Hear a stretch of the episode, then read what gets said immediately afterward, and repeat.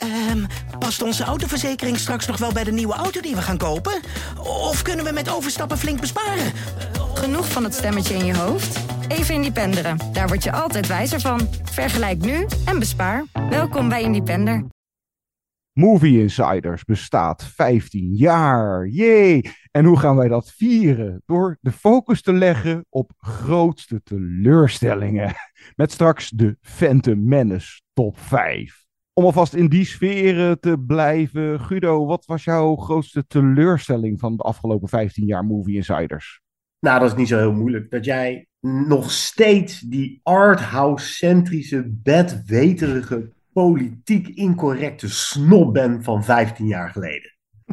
Lekker, dankjewel. Jij chronische hooikoortspatiënt met je voorliefde voor alles wat Terrence Malick met bloemetjes doet. en toch, hè, en toch.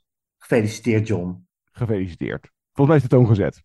Hello, my name is Anders Thomas Jensen. I am the director of Riders of Justice, and you're listening to Movie Insiders.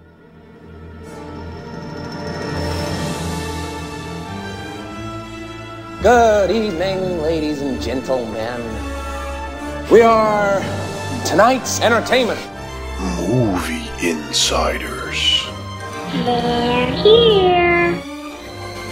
Why should I waste my time listening? Because I have a right to be. I have a voice. Groovy.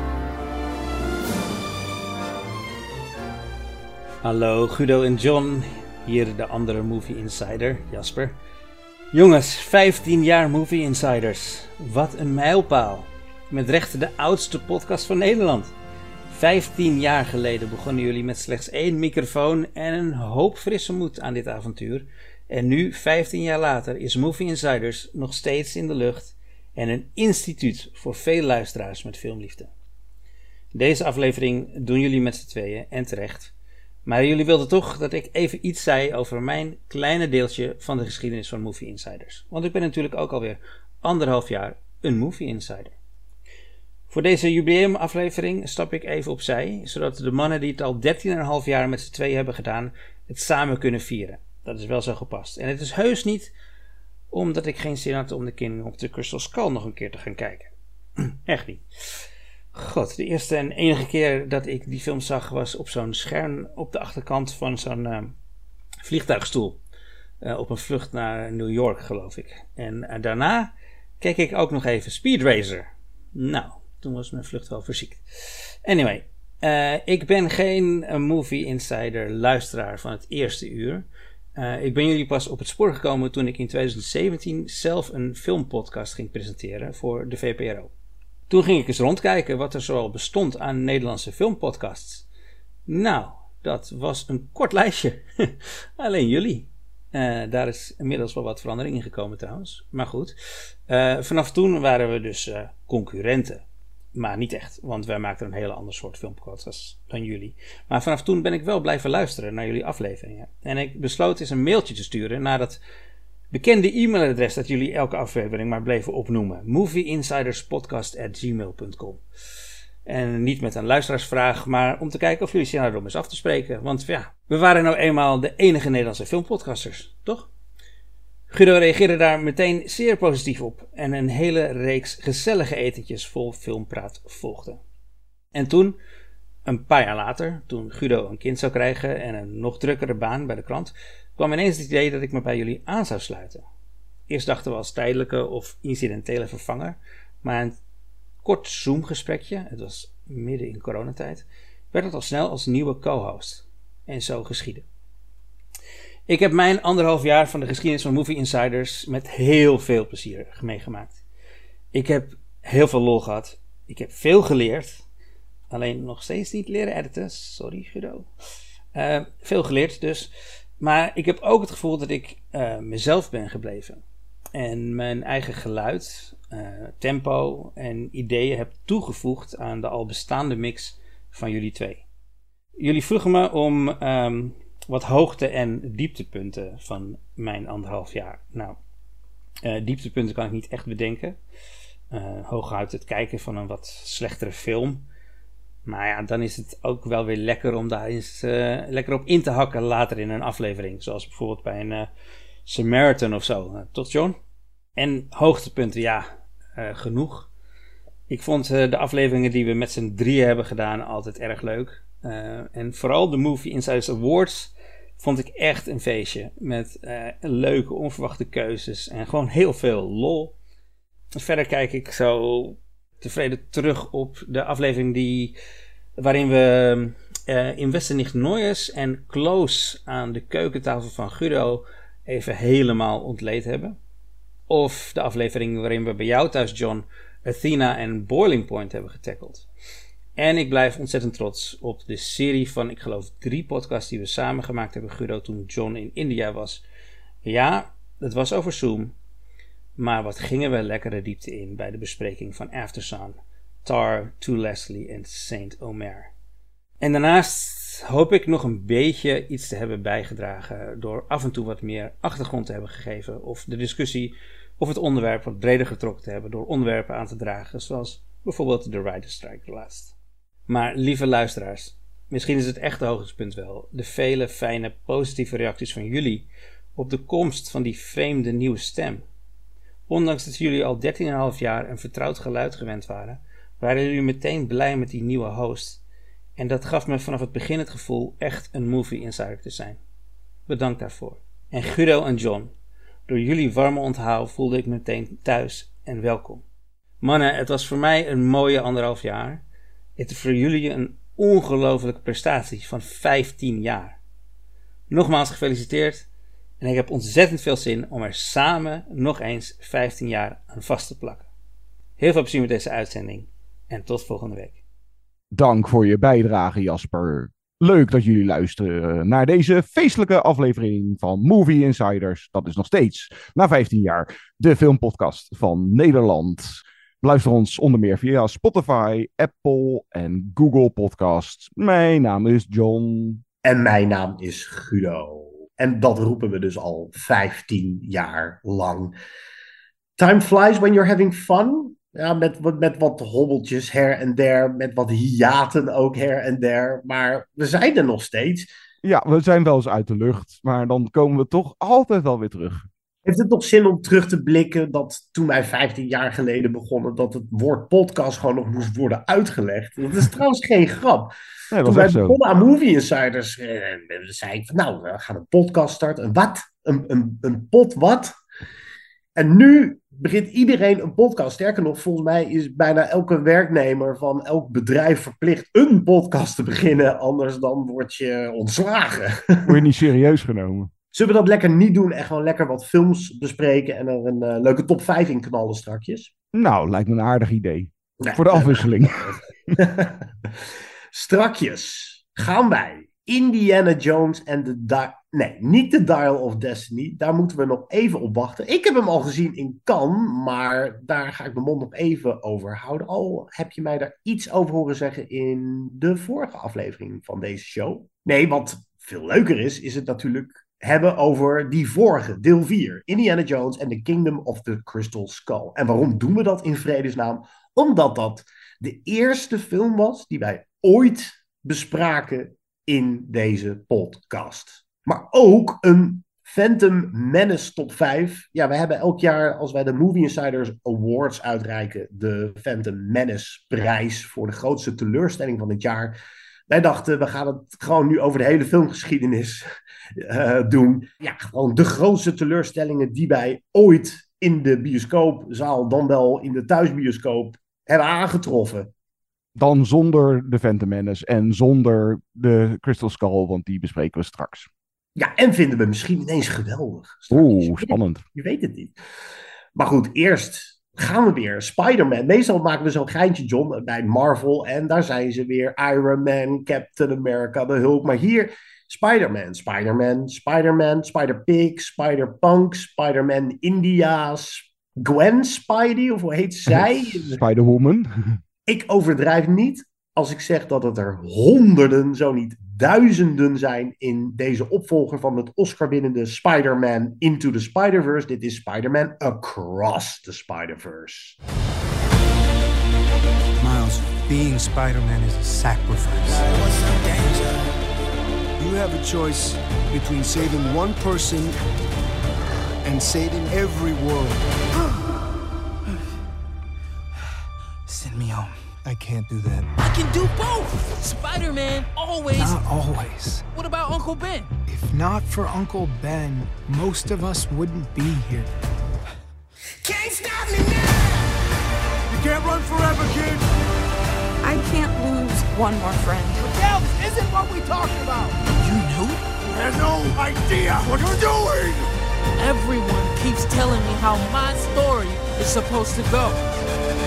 Nah, I'm gonna do my own thing. All stations, stop Spider-Man. You? What, me?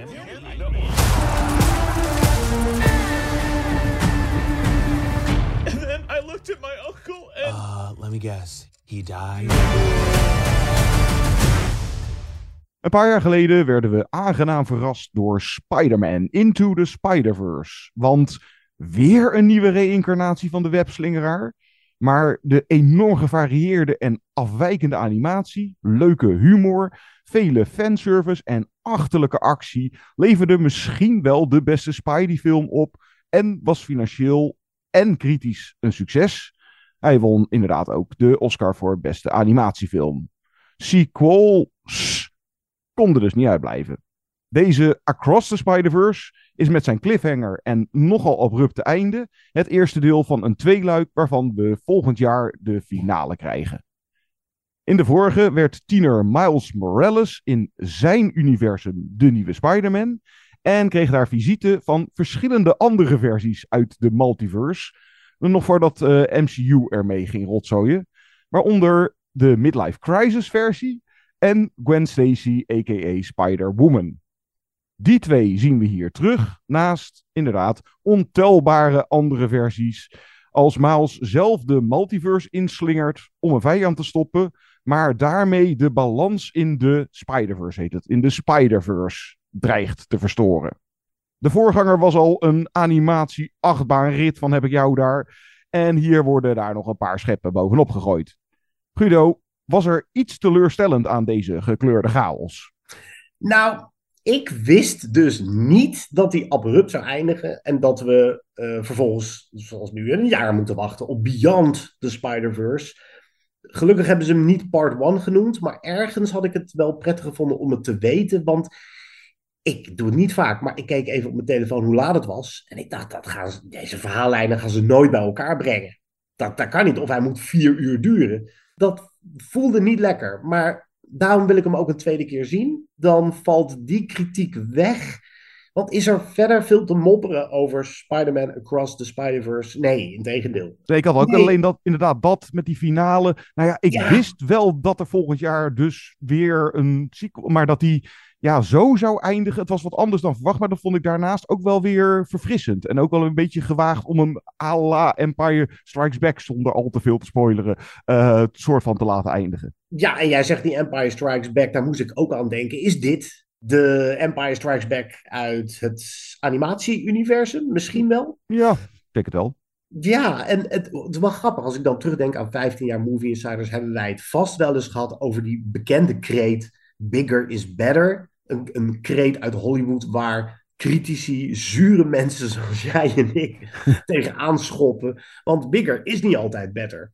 Maar soms. Hier soms wel maar- en soms niet. Ja. ja, nou ja, goed. Hier heb ik vooral wel. Want Phil Lord en Christopher Miller hebben het scenario geschreven. Zijn ook de producenten. Het zijn niet de regisseurs. Maar het zijn toch eigenlijk wel de creatieve drijvende krachten achter deze film. Die zijn toch voor het wijze besluit eh, gegaan om bigger te gaan. En het resultaat is better, denk ik. Ja, de eerste heeft een wat meer relaxte flow. En deze is nogal uitputtend. Maar het is ook wel de ultieme film van nu. Met multiverse, met superhelden, maar ook met krankzinnige humor. Waanzinnige animatie. Net als je dacht dat dat niet een treetje hoger kon na de vorige, gaat het er tien keer overheen. En het gave is dat je had al in die eerste verschillende animatiestijlen en nu zijn het er nog veel meer. Ja, en er moet zo'n werk in gaan zitten. En dat wordt een rotzootje, denk je halverwege. En dan net als je denkt dat de chaos een beetje te veel regeert, ja, is er toch een moment eh, met veel emotie en ontroering die ik ook nog voelde. Dus ik durf hier wel heel voorzichtig de Everything Everywhere All at Once vergelijking aan. Ook speelde dat zich af in verschillende universa.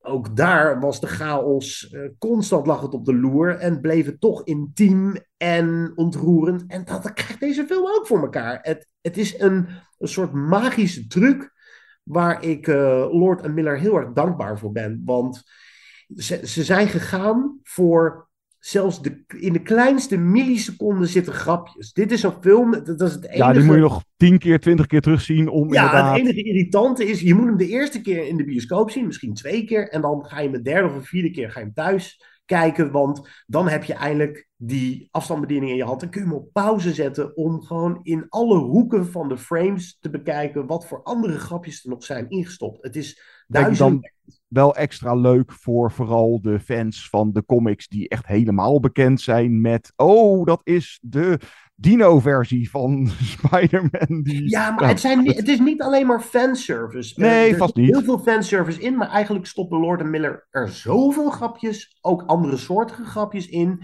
dat het totaal niet erg is uh, dat het af en toe wat navelstarig is en zich op de nerdcultuur richt. Dat... Nee, daar heb je ook geen, uh, geen enkel moment echt last nee, van hoor. En trouwens, kijk, die uh, enorme chaos die het, nou, dus niet de constant is in de film, maar zeker nou, qua afwijkende animatiestijlen, alles naast elkaar en door elkaar. En ook dat wendt op een gegeven moment. En dan zit je gewoon wel wat meer in het verhaal. Trouwens, wel even nou ja, anders dan de vorige. Of nou, laten we even zeggen, deze film begint eigenlijk met Gwen Stacy en haar verhaal. En dus uh, zij, hoe zij, nou, Spider-Man uh, Woman is geworden. En ook de animatie van haar universum. En het ziet er allemaal qua kleuren weer anders uit en zo. En dan heb je inderdaad daarnaast, uh, als we eenmaal in die Zitten, zoveel verschillende. Ik vond vooral die uh, Hobie, dat is die uh, Spider-Punk.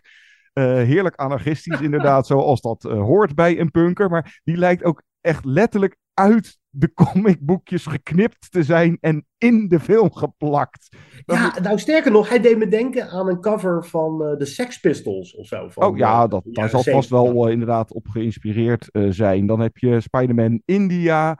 Uh, dat is mijn favoriet trouwens. ja. Dat is zo'n gezellige gozer ook. Dat is, ja, en de film ook... In lange tijd had ik niet zo het idee van met hem zou ik echt een onwijs leuke dag kunnen hebben met deze gast. zo dat is ook gewoon de manier waarop de film hem presenteert en die hele actiesequentie en alle India-clichés in dat Moonbatten, zoals het oh, ja, Moonbatten, ja. komen wel voorbij. Maar ze worden op zo'n schattige manier gebracht. Dat je er ook volgens mij, zeker als Indiër, je kan er geen seconde eraan storen en er ook alleen maar om lachen. Nou, je hebt een, uh, inderdaad een katversie, een dino-versie, een hoogzwangere Blaxploitation uh, Spider-Woman. Ik heb ook erg gelachen om die Scarlet Spider. Die een soort van, nou ja, noem het bijna een soort van Shakespeareaans af en toe een muur staat te omschrijven. Ja, en dan heb je inderdaad nou, Miguel O'Hara. Dat is Spider-Man 2099. Ja, laat me even over, omschrijven als de manager van dat hele Spider-Verse. Die er een beetje voor moet zorgen dat alles. Nou, het heeft ook met de kanon te maken. En iedere Spider-Man-versie, uh, het verhaal, daar moet een tragische gebeurtenis. Uh, laten we daar allemaal niet te veel in detail treden hoe dat nou allemaal zit. Uh, dat, dat moet je zelf maar ervaren. En, oh ja, die zitten trouwens ook nog in, want je noemde Lord en Miller, die natuurlijk ook de Lego en, ja, nou ja, de Lego-movies. en er zit ook nog heel kort, dat misten we nog in de eerste Spidey-versie. we belanden heel even in Lego-versie. Ja, en dan, Playmo Playmobil was ik het. dacht toch Lego was hoor, maar... Oh, nou ja, goed. Ja. Daar moet ik hem dus... Het Jij, is uh, echt met je ogen knipperen en je kan iets hebben gemist, hè, in Ja. deze film. Trouwens, En dan- die Miguel, wat jij zegt, is Mhm. wel een interessante figuur, want eh villains moeten tegenwoordig ambigu zijn en die moet je ook een beetje kunnen snappen. En dat heeft deze ook. Het, een hele Is het een villain? schurk. Eh, ja, die vraag kan je er ook bij zetten. Is het een villain? Eh, nou ja. Ja, er wordt iets wel- gedaan wat we niet mogen weggeven, maar het Ja. heeft te maken met het cliché van eh, er moet altijd iemand doodgaan in een superheldenfilm. Of e- eigenlijk überhaupt. Het is sowieso misschien wel een keer een interessante discussie waar het wat in films over jeugdige helden of toekomstige helden moet altijd eerst papa of mama of een oom of tante doodgaan. En dan herpak je jezelf en dan vind je de drive om het universum zeg maar te redden. Of meerdere universums.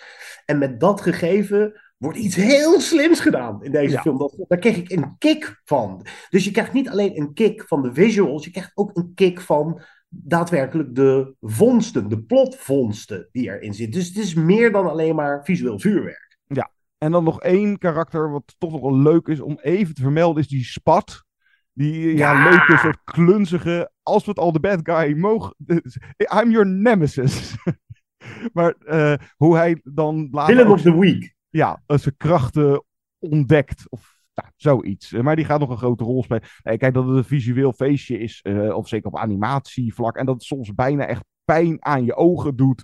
Ja, je moet hier wel tegen kunnen. Ik, ik, ik, ik heb ook wel een kleurtjes eh, fetish als animatieliefhebber. Maar zelfs ik zat hier af en toe even dat ik gewoon met mijn ogen moest knipperen. Zo van, oh mijn god, ik moet even... Of even, even gewoon je ogen drie seconden dicht doen om even, even tot rust te komen. Want mijn hemel, het is ook hier, net als dan de vorige, dat er vaak 100 Red Bulls te veel op eh, zijn, zeg maar, eh, met de makers. En dat je je af en toe ook wel eens afvraagt, eh, voor, ja, ben ik de, de doelgroep voor de, ben ik niet iets te oud voor zo drukke en ongeheim. Maar dan zitten er daarnaast wel weer verrassend ja, rustige en mooie emotionele momenten in. Zeker. Met tijd voor thematiek als nou, keuzevrijheid en je eigen pad volgen. Dus het wisselt het wel af. De film geeft je gelukkig genoeg scènes om even weer op adem te komen. Zeker. En het is best verstandig misschien om die eerste nog even terug te zien voordat je naar de bioscoop gaat en Across the Spider-Verse ziet. Want ja, jeetje, het duizelde mij al voordat de film begon. Er zijn inmiddels zoveel Spider-Mans gemaakt. En ook de live-action Spider-Man begint, of begeeft zich in de multiverse. Dus dat is niet helemaal nieuw. Maar er zitten. Het, het, het- ik ben blij dat ik mijn geheugen even heb opgefrist. Ja, Eh, ik had hem ook- er, ja, er zitten dingen in die eerste film Ja. die hier weer terugkeren. Dus dat is toch wel fijn. Ja, toch, eh, nou, er, er zit een korte recap aan het begin van deze. Dat, nou, het is in ieder geval wel een soort van duidelijk van wat er gebeurde in de eerste. Ik denk dat je hem ook best wel zou kunnen kijken zonder de eerste. Maar ik heb de eerste Jawel, ook, daar kom je wel uit. ja, ook even aangezet om alvast even weer in eh, de sfeer en in die stijl te komen, zeg maar. Maar wat ik vooral ook knap vind, is wij hebben heel lang geroepen, we worden superhelden moe. Nou, deze film had ik daar totaal geen moeite mee. En we hebben laatst ook geroepen, oei, die multiverse worden we niet multiverse moe. Want dat is ook al een paar keer in de MCU toegepast. En daar geeft deze film ook een nieuwe slinger aan. Het is toch knap. En eh, ik denk dat Lord en Miller de kunst hebben begrepen om een multiverse verhaal te vertellen zonder dat het per se een gimmick wordt. Het heeft daadwerkelijk een toegevoegde waarde. Het heeft ook wel thematiek waar je nog op kan kouwen.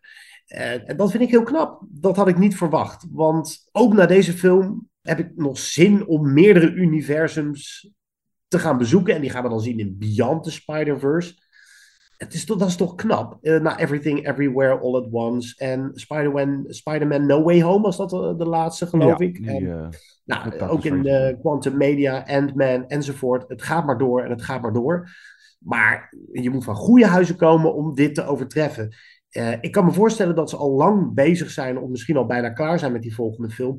Ik heb zelden zo'n vertrouwen gehad in een deel 3 als na deze tweede uit een franchise. Ja, dat gaat helemaal goed komen. En dat men hier lyrisch enthousiast over is. eh, nou, in ieder geval ten tijde van nu opname staat hij in de IMDb top 250 op nummer 15.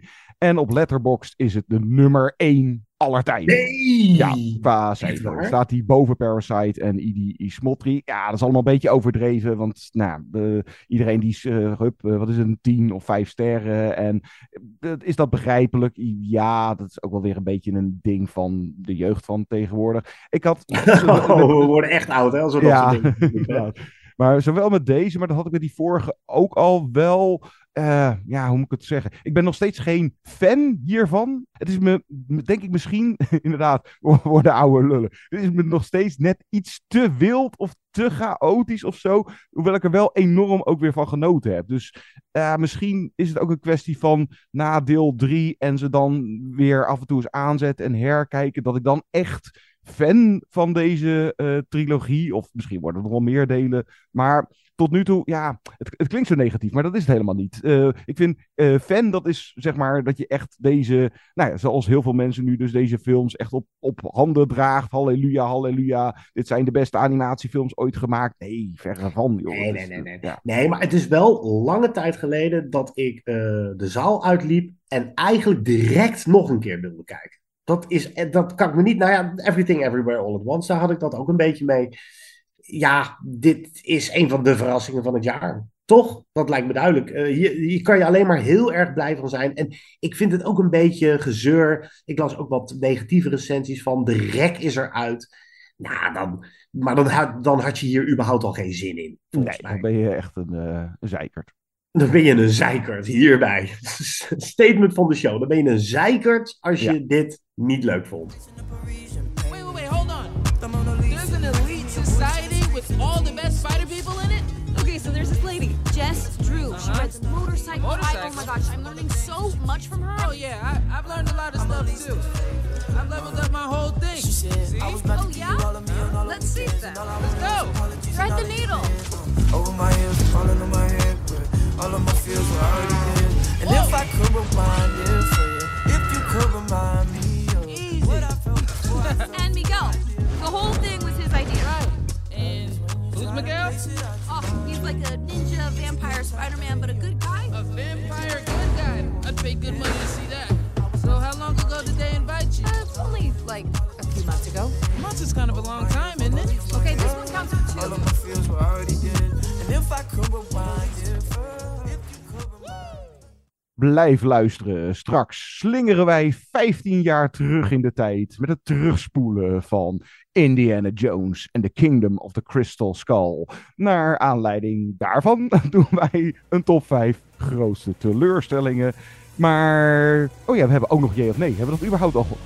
Jee of Nee is weer even terug. Nou, wacht, laten we eerst even een stukje muziek draaien. Heerlijke score, wederom van Daniel Pemberton.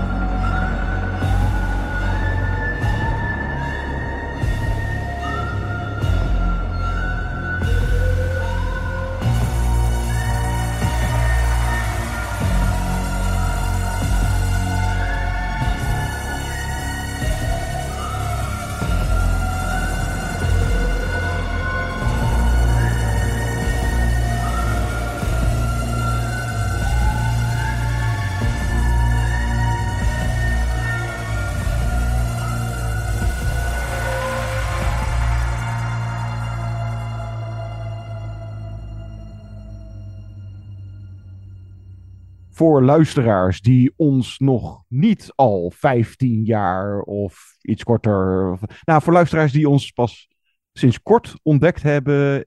Die zijn hier misschien niet zo bekend mee. We hebben jarenlang het mini-rubriekje gehad, jee of nee, waarin wij ieder vijf stellingen en of keuzevragen de ander voorlegden. En het antwoord moest zijn jee of nee, of het antwoord op de keuzevraag. En zoals van ouds pakken we die weer eens op voor deze speciale feestelijke aflevering. Ja, dit is even een exclusiefje. En uh, de grap was altijd, maar dat werd ook wel eens een beetje irritant bevonden dat er dus verder geen discussie wordt gevoerd. Het is gewoon alleen maar jee of nee. Ik mis jee of nee. Nee. Jee. We heten Movie Insiders, richten ons daarmee op een niche publiek en zouden dus meer arthouse films en minder blockbusters moeten bespreken. Nee. Nee. Het was 15 jaar geleden leuker om films te recenseren omdat we net begonnen waren. Nee. Jee. Met ons nogal onregelmatige verschijnen hebben we veel luisterpubliek weggejaagd. Jee. Jee. Ik ben wel eens teleurgesteld in een podcast van ons. Jee. Nee. Wat het recenseren betreft ben ik de afgelopen 15 jaar flink verzuurd geraakt. Nee. Nee. Zonder al te lang nadenken zou ik nu mijn top 5 films van de afgelopen 15 jaar kunnen opboeren. Nee. Jee. Omdat we ook graag onbekende films aan het voetlicht willen brengen, zouden we het voortaan moeten hebben over een tip 5 in plaats van een top 5. Nee. Jee. Ik schaam me wel eens voor mijn co-host. Jee. Jee. We keren wat mij betreft per direct terug met de rubriek jee of nee. Jee. Nee. Nou, daar gaan we dan. Terugspoelen naar 15 jaar geleden. De allereerste Movie Insiders recensie. Hier komt hij op herhaling. Indiana Jones and the Kingdom of the Crystal Skull. I have to go back into the past once more. Just once more.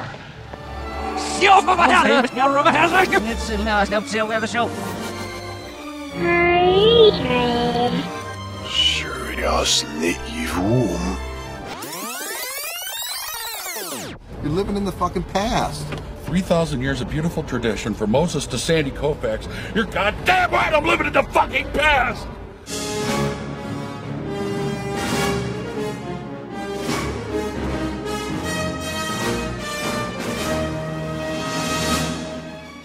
Legend says that a crystal skull was stolen from a mythical lost city in the Amazon.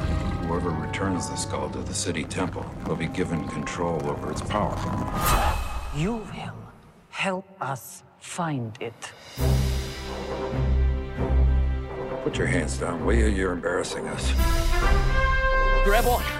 Go get something else. Grab the snake! Damn, I thought that was closer. Get on!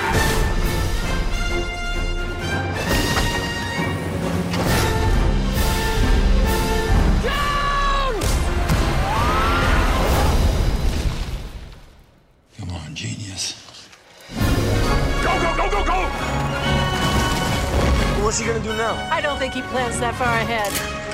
And I think I'd cover my ears if I were you.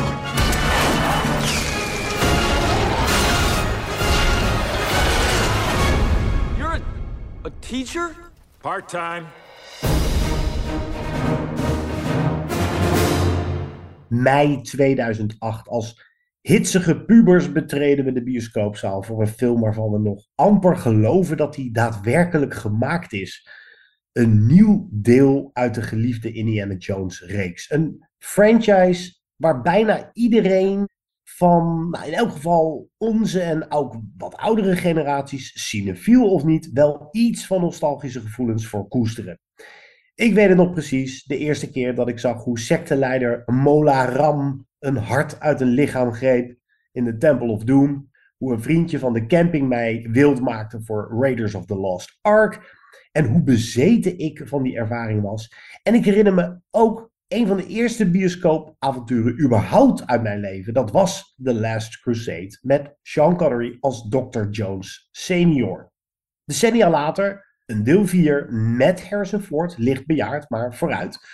En van Steven Spielberg en George Lucas. Met Indy mag je niet fucken, maar hey, dit is hetzelfde team als toen. Wat kan er in vredesnaam misgaan? Het is bijna eng. Het besef dat The Kingdom of the Crystal Skull en de eerste Movie Insiders 15 jaar geleden op ons levenspad kwam. Het verstrijken van de tijd, het blijft iets ongrijpbaars. Wat je in elk geval kan doen, is met zo'n afstand de culturele impact en de tijdsgeest van toen definiëren. En wat die impact betreft kunnen we glashelder zijn. Indiana Jones en The Kingdom of the Crystal Skull wordt gezien als misschien wel een van de filmische tegenvallers aller tijden. Al was het ook een kaskraker van heb ik jou daar toen. Dat moet ook worden gezegd. Lag de lat toen bij ons te hoog?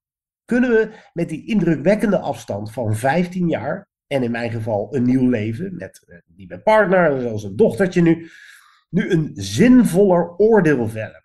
Valt het eigenlijk allemaal best wel mee? Of John, is Kingdom of the Crystal Skull door de bril van nu een nog grotere drol dan we toen zagen of durfden toe te geven? Nou, hij ruikt wel iets erger dan toen. Maar dat was nou, eigenlijk wij en vooral andere critici. Want als je nu nog steeds, je gaat naar Rotten Tomatoes, daar heeft hij een 77% eh certified fresh rating. Dus, en ook wij, ik heb voor de grap die allereerste podcast nog maar even aangezet. Dat is alleen voor ons leuk. eh, dat moet je, zal ik de luisteraar vooral niet aanraden. Niet adviseren.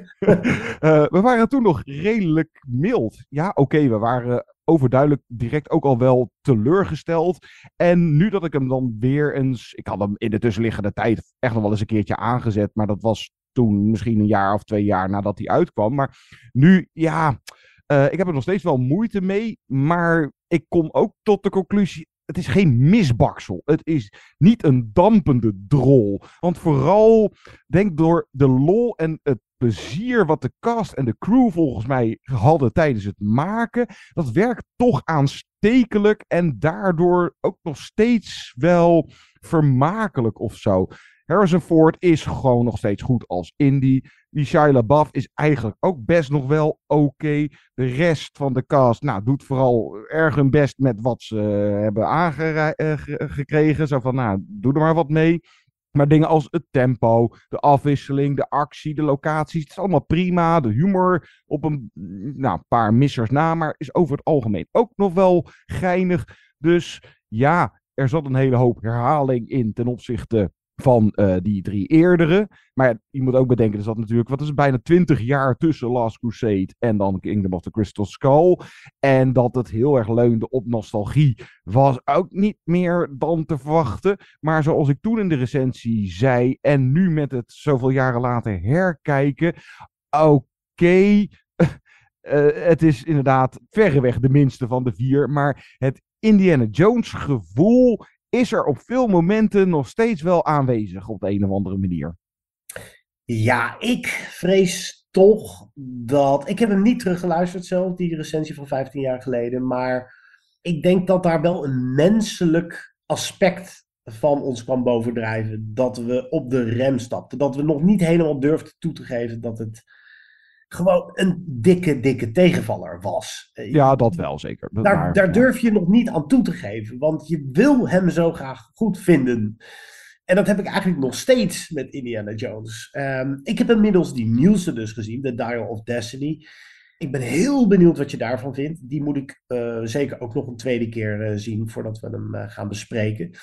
Die vind ik een heel stuk beter. Maar hier, nou, laten we bij het begin beginnen. Je ziet dus het Paramount logo, het ouderwetse Paramount logo. En dat verandert dan in een bergje zand waar ineens een, een prairiehondje met zijn eh, kop komt bovenzetten. En Ja, een gover noem je dat geloof ik. Of een gover, nou ja, ja een soort, soort marmot. Eh, het is een soort marmot. Ik noem het een prairiehond. En als ik een dier leuk vind. En tegenwoordig met mijn dochter in diergaarde Blijdorp uren met een domme grijns eh, naar een dier kan kijken, dan is het wel een fucking prairiehondje.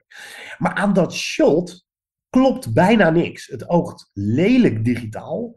En er is een soort van overbelichting, waardoor het een soort filmmagie mist. En die twee elementen laten direct, dus in, in letterlijk de eerste vijf seconden, een enorme red flag zien. Want dat is precies waar een groot deel van deze vierde Indiana Jones, wat mij betreft, onder gebukt gaat. Het is, het is zo'n lelijke film. op alles veel momenten, ja. Alles loopt ook overbelicht en gepolijst. En weg is het, het rauwe randje. En er zitten effecten in die echt onderdoen voor dat wat we in Raiders of the Lost Ark zagen. En dat is toch echt een film uit 1981. Daar zat gewoon eigenlijk te veel CGI in. En eh, het is dus 15 jaar geleden. En dan zeker als je het nu terugkijkt, is het eh, matige CGI. Ja, ja en, en sommige dingen kan ik wel hebben. Kijk, dat Indiana Jones, die moet op de een of andere manier menselijk blijven. Ook al overkomt hem heel veel wat hij eigenlijk niet zou moeten overleven. Dat wisten we al van de eerste drie films. Maar Nook the, Nook the Fridge. Nook the Fridge is inmiddels een beruchte eh, klassieke scène geworden. Waarin hij dus, nou, nou ja, hij verschuilt zich in een lege koelkast. En dan is er een atoomontploffing. En dan, je ziet echt die koelkast echt heel hoog de lucht in schieten. En dan valt hij keihard op een berg. En hij komt daar gewoon als een soort van cartoonfiguurtje. Hij, hij schudt even met zijn hoofd en dan is hij wel weer in orde. Hij zou echt een, een, een pannenkoek moeten zijn. Al zijn ingewanden had je eruit moeten kunnen vissen. Laten we En- met een korreltje zout nemen. Ja, laten we. het- En toch heb ik daar. eh, ik, ik kan er nu wel om lachen. En nu weet je ook dat het staat te gebeuren. En dan nou, ben je op dat vlak misschien wel wat milder. Maar ik ben wel weer gaan terugdenken. Ook tijdens de Dial of Destiny trouwens. Is dat een discussie die we. eh nou, TCT moeten gaan voeren. Dat is. eh, het, het lijkt wel alsof George Lucas en Spielberg vergaten wat Indie zo cool maakt. En dat is dat hij, in tegenstelling tot heel veel andere helden, hij, hij kan ook zagrijnig zijn. En, en hij kan ook tijdens een Menselijker. actiescène... Ja, hij kan uit zijn ogen kijken van, ik heb hier helemaal geen zin in, ik heb koppijn. Nou, dat komt allemaal perfect samen in Raiders of the Lost Ark. Die scène dat die eh, wildzwaaiende samurai krijger tegenover hem staat. En dat hij gewoon zijn pistool pakt en hem gewoon afknalt. Zo van, ja, hier heb ik dus echt geen zin in. Dat is Indiana Jones. En dat ontbreekt hier echt. Je hebt die eh, Jungle Chase, een van de lelijkst eh, opgedroogde actiescènes van de laatste, nou, 30 jaar misschien wel. Ja, ouch. Eh, met- Die, nou, dat is, dat is echt schandalig. Want zelfs die actiescènes met die dino's uit Peter Jackson's King Kong. zelfs dat ziet er beter uit. En dit is echt lelijk. Maar ze maken daar ook de cruciale fout. Door Harrison Ford als Indiana Jones bijna niks te doen te geven. Hij zit, hij zit achter het stuur. Hij, hij rijdt alleen maar in die auto. De actie eh, vindt vooral plaats tussen Matt Williams, gespeeld dus door eh, Shia LaBeouf, zeg maar zijn, eh, ja, wat is het, pleegzoon of whatever. Dus is zijn zoon. Is zijn Ja, het ja, maar het, ja, een soort nieuwe opvolger zou je dan moeten zijn. Dat, dat is wel een aardig geintje trouwens, hè, met die hoed aan het einde. Dat hij Ja. niet oppakt. Maar goed, en hij is degene die haar, daar staat te zwaardvechten met Irina Spalko. Dat zo heet namelijk Kate Blanchett's schurkennaam. Irina Spalko. Dus ik denk dat ze in deze film echt een beetje kwijt waren waarom wij allemaal zo massaal verliefd werden op Indiana Jones. Eh, en wij mannen hem zo graag wilden zijn. Hij had iets herkenbaars. Het was ook iemand die gewoon, waarvan je geloofde dat hij gewoon af en toe zijn dag niet had. Eh, een beetje à la John McClane in de Die Hard films. Daarom is die vijfde Die Hard ook zo, zo misbaksel. Omdat hij daar gewoon alles voor elkaar krijgt en koelbloedig alles om zich heen neerknalt. Dat moet, dat moet je ook niet hebben. Nee. Ehm, ik denk dat dat echt een, een, een, Ja, eh, dat, dat fout is geweest. wel een rol. Nou, ik denk dat de eh, script hier vooral de grote boosdoener. Nou, of eh, even wat ruimer genomen, George Lucas was hier de grote boosdoener. Want ja, nou ja, die finale met. Eh, inmiddels eh hoeven, het, hoeven geen eh, spoiler meer te zeggen, want. Nee. Nee, maar met, dat met die aliens. Ja, ja, nee, dat. En inderdaad, dingen als Nook the Fridge. Maar ook gewoon ja, de bordkartonnen bad guys of girl. Die er dan. wat trouwens nu wel grappig is om te zien dat het de bad guys zijn hier de Russen. Dat in deze tijd heeft dat wel een soort raar bijsmaakje. Maar oké, nou, dat is inderdaad. Die hebben verder niet meer te doen dan dat het zijn de bad guys. En. De nazi's zijn trouwens terug in Die of the Destiny. Mag ik dat verklappen? Jee, Ja, de nazi's zijn terug. nee, maar eh, dat is met Steven Spielberg eigenlijk altijd zo geweest. Want Steven Spielberg is zelf geen scriptschrijver. Dus die is afhankelijk van de scripts van anderen. En hier bij ehm, Kingdom of the Crystal Skull, nou ja, dat gevoel eh, krijg ik zeker nu met het herkijken. En je bent bekend met. Nou, je hoeft even geen uh, aandacht meer aan het verhaal te besteden. Dus je gaat wat meer gefocust letten op. Nou, bijvoorbeeld dat Steven Spielberg tijdens het maken van deze film. waarschijnlijk inderdaad met dat script heeft gestaan. En dan moet gaan zijn acteurs moet gaan regisseren. En dat die acteurs waarschijnlijk zeggen van. Ja, nou ja, oké, wat is dan mijn karakter? En wat, wat zijn mijn motivaties? Hoe moet ik het spelen? En dat hij dan tegen John Hurt. Uh, die er niet meer is, maar nou, gerespecteerd acteur moet zeggen: Ja, je bent een geflipte professor die uh, de hele tijd maar een beetje met die Crystal Skull loopt te kutten, wat dan de McGuffin is. En dan loop je er weer mee te gooien of dan haal je hem weer uit een zak. En zo'n Ray Winston die iedere vijf minuten Jonesy roept, uh, die eigenlijk al gewoon überhaupt als personage helemaal overbodig is. En allemaal ja, van, van dat echt. soort gevallen dat ja, hoewel zo'n, nou, de interactie tussen Indy en het weer terugzien van Marion, gespeeld door uh, Karen Allen. En nou, dat ze dan, uh, uh, vader, moeder, dat, ja, het komt ook niet helemaal uit te verre voor. Maar ik kan me echt bedenken dat Steven Spielberg hier enorme problemen heeft gehad tijdens het maken. En je ziet dus ook in deze mislukking uh, of teleurstelling toch wel terug dat zodra Steven Spielberg zijn ding nog kan doen, dan is de film nog wel oké. Dat soort momenten, dat bedoelde ik. En daarin ja. herkende ik dan nog net wel een beetje dat indie gevoel.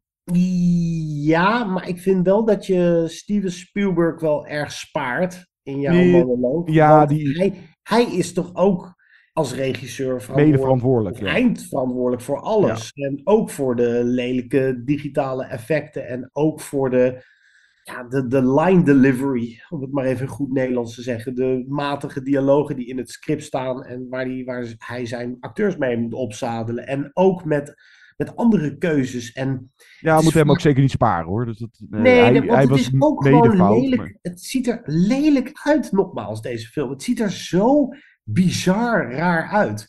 Bij Indiana Jones denk ik ook dat hij kruipt door een, door een, door een vieze grot. En dat er een enorme spin uh, op, zijn, uh, op zijn hoed loopt. En uh, dat er ergens een, een schedel van boven naar beneden komt vallen. En dat je, dat je het rag bijna in je gezicht voelt. Dat ja, maar dat is wel heel gek met deze film. Want heel veel van de production design van de sets, die zijn echt wel verzorgd en zien er wel mooi uit.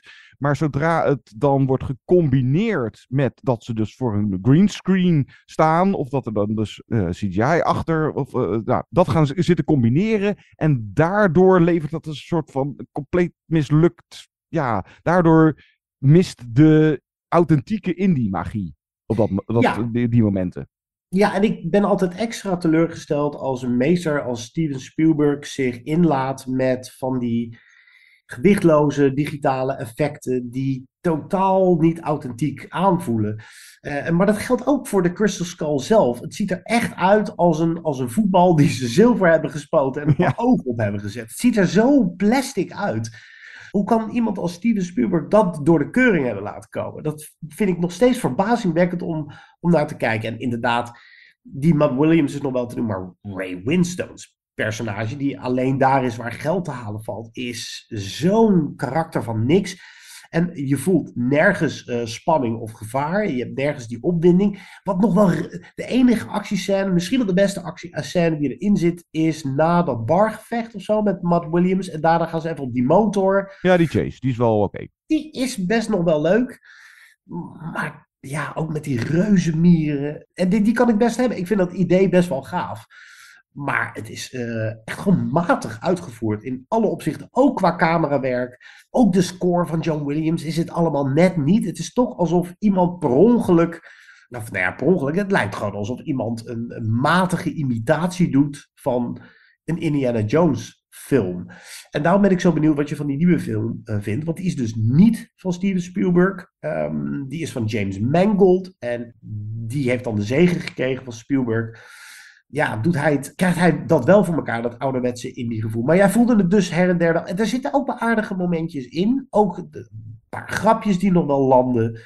Het beweegt, het, het kraakt en het piept. Ja, nee, inderdaad. Maar misschien in, in dit geval ook wel weer zo van. Je gaat hem herkijken met het idee van. Ik ga inderdaad een van de grootste eh, mislukkingen uit de filmgeschiedenis. of een van de meest teleurstellende sequels aller tijden kijken.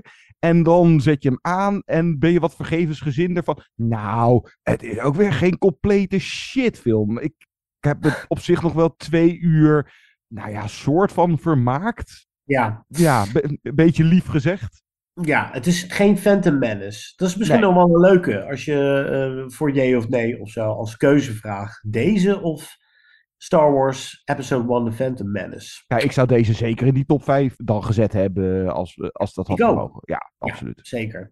Dus eh, ja, ik vind het moeilijk om met eh, de, de rem te praten over wat Indiana Jones eh, nog voor ons in petto heeft. Hij is, de grap is dat wij trouwens in eh, onze recensie zeiden, is hij rijp voor de rollator? Ehm, nou, inmiddels zijn we dus 15 jaar verder en is hij nog veel ouder. En toch is er nog een Indiana Jones film gemaakt. Nou, daar eh, heeft hij wat hulp nodig bij de actiescènes. Eh Phoebe Waller-Bridge. eh, er zit ook een soort nieuwe short round zit erin. Een, een bij de hand jochie. En daar spelen ze het iets meer op safe. Je zou kunnen zeggen dat Kingdom of the Crystal Skull in ieder geval niet per se een saaie herhaling van zetten is. Dat is het nou ook weer niet. Want dat is nu de kritiek die vooral op Dial of Destiny wordt afgevuurd. Dat het gewoon een rehash is van alles wat we al eerder zagen en veel beter. Maar nogmaals, ik kan niet wachten om die samen met jou eh, te bekijken en te recenseren. Maar de- deze, daar blijft nog steeds zo weinig over van deze film. Het, het, pakte mij niet in. Het gaf mij niet het indie gevoel. Het, het, het voelt te plastic, te glossy ook. Ik, ik voel nog steeds die teleurstelling. En dan heeft het deze keer niks met die UFO's te maken en met aliens. Daar heb ik me inmiddels wel overheen gezet. Eh, want dat was toen vooral echt de grote what the fuck. eh, eh, het moment dat je de Ja, zaal uitliep. Kan gewoon. Ja, Aliens in Indiana Jones film. Nee. Nee, het is niet alleen omdat het niet kan en dat Indiana Jones wordt eigenlijk alleen maar te flirten met het bovennatuurlijke. En dat gebeurde wel degelijk. Dat moet je niet vergeten met de Raiders of the Lost Ark en Temple of the Doom of Doom. Daar gebeurde ook van alles wat, wat echt niet kon. Ja, uh, nergens was. Maar dit ging wel alle, ja, dit ging wel alle grenzen te buiten. En, maar überhaupt, het is ook lui om iets met aliens te doen, toch? Het is ook gewoon helemaal niet spannend of zo. Ja, ik ben heel benieuwd naar die Dial of Destiny. Kijken of die net zo teleurstellend is als deze. Misschien nog wel meer. Nou mijn verwachtingen voor die nieuwe liggen wel een stuk lager. Dat komt mede door deze drol. Trouwens, eh, voordat we zo die top 5 grootste teleurstellingen gaan doen, even een stukje muziek van John Williams. Deed die qua score nou nog iets leuks? Eh, dat- ook niet echt iets eh, nieuws of verrassends? Of, eh, Nee, wat ik al zei, het is ook een beetje John Williams op halve kracht. Maar dat Matt Williams thema is wel lekker.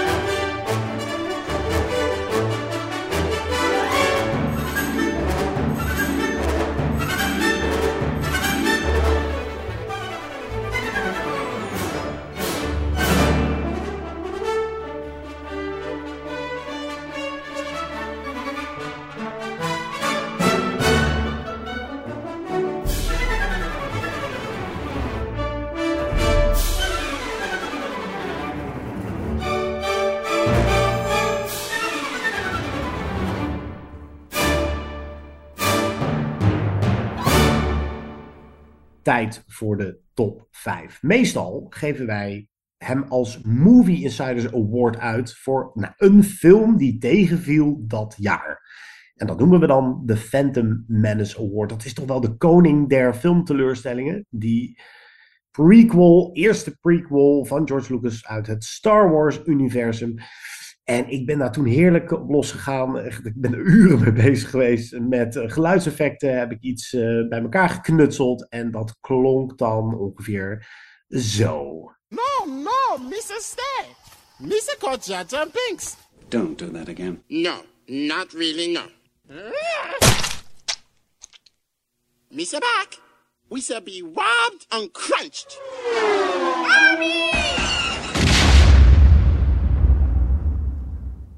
Mr. Back, Mr. Bustin with happiness seeing you again.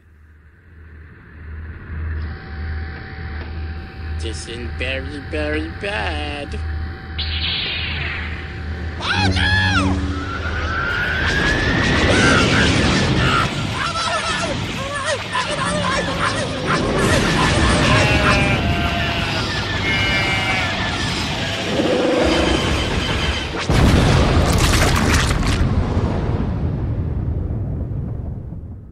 De Phantom Menace top 5 dus. Ofwel de top 5 grootste teleurstellingen aller tijden.